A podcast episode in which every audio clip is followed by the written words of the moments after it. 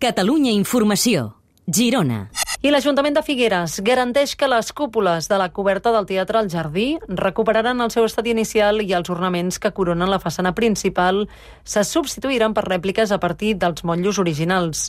Així ho han fet públic després de la reunió tècnica que s'ha fet avui davant la polèmica generada pels treballs que s'han fet fins ara en aquest edifici noucentista qualificat Girona Albert Requena com a bé cultural d'interès local. L'alcalde accidental de Figueres, Jesús Quiroga, qualifica de polèmica d'estiu les crítiques a les xarxes socials de veïns i grups municipals a l'oposició sobre el procés de restauració de la coberta del Teatre al Jardí.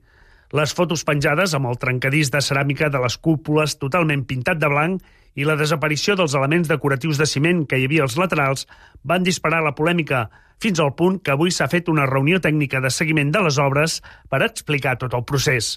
Jesús Quiroga diu que són treballs urgents i provisionals per garantir la seguretat i evitar filtracions d'aigua i que s'acabaran de consolidar per deixar tota la coberta de l'edifici en l'estat original l'any que ve. I bàsicament és una impermeabilització, bàsicament perquè aquestes eh, cúpules es movien i algunes figures estaven trencades. Per tant, aquestes actuacions d'urgència es fan per consolidar abans de fer una restauració molt més important. Des de l'oposició, Jordi Masquef insisteix que demanaran explicacions i dubta que els treballs es facin correctament. Manifesten que el trencadís ceràmic no es restaura d'aquesta manera, sinó que les estructures en morter també es netegen, consoliden i protegeixen adequadament. El Teatre al Jardí de Figueres està considerat bé cultural d'interès local i des de l'any 1991 no s'hi havia fet cap obra de manteniment. Serveis informatius. Girona.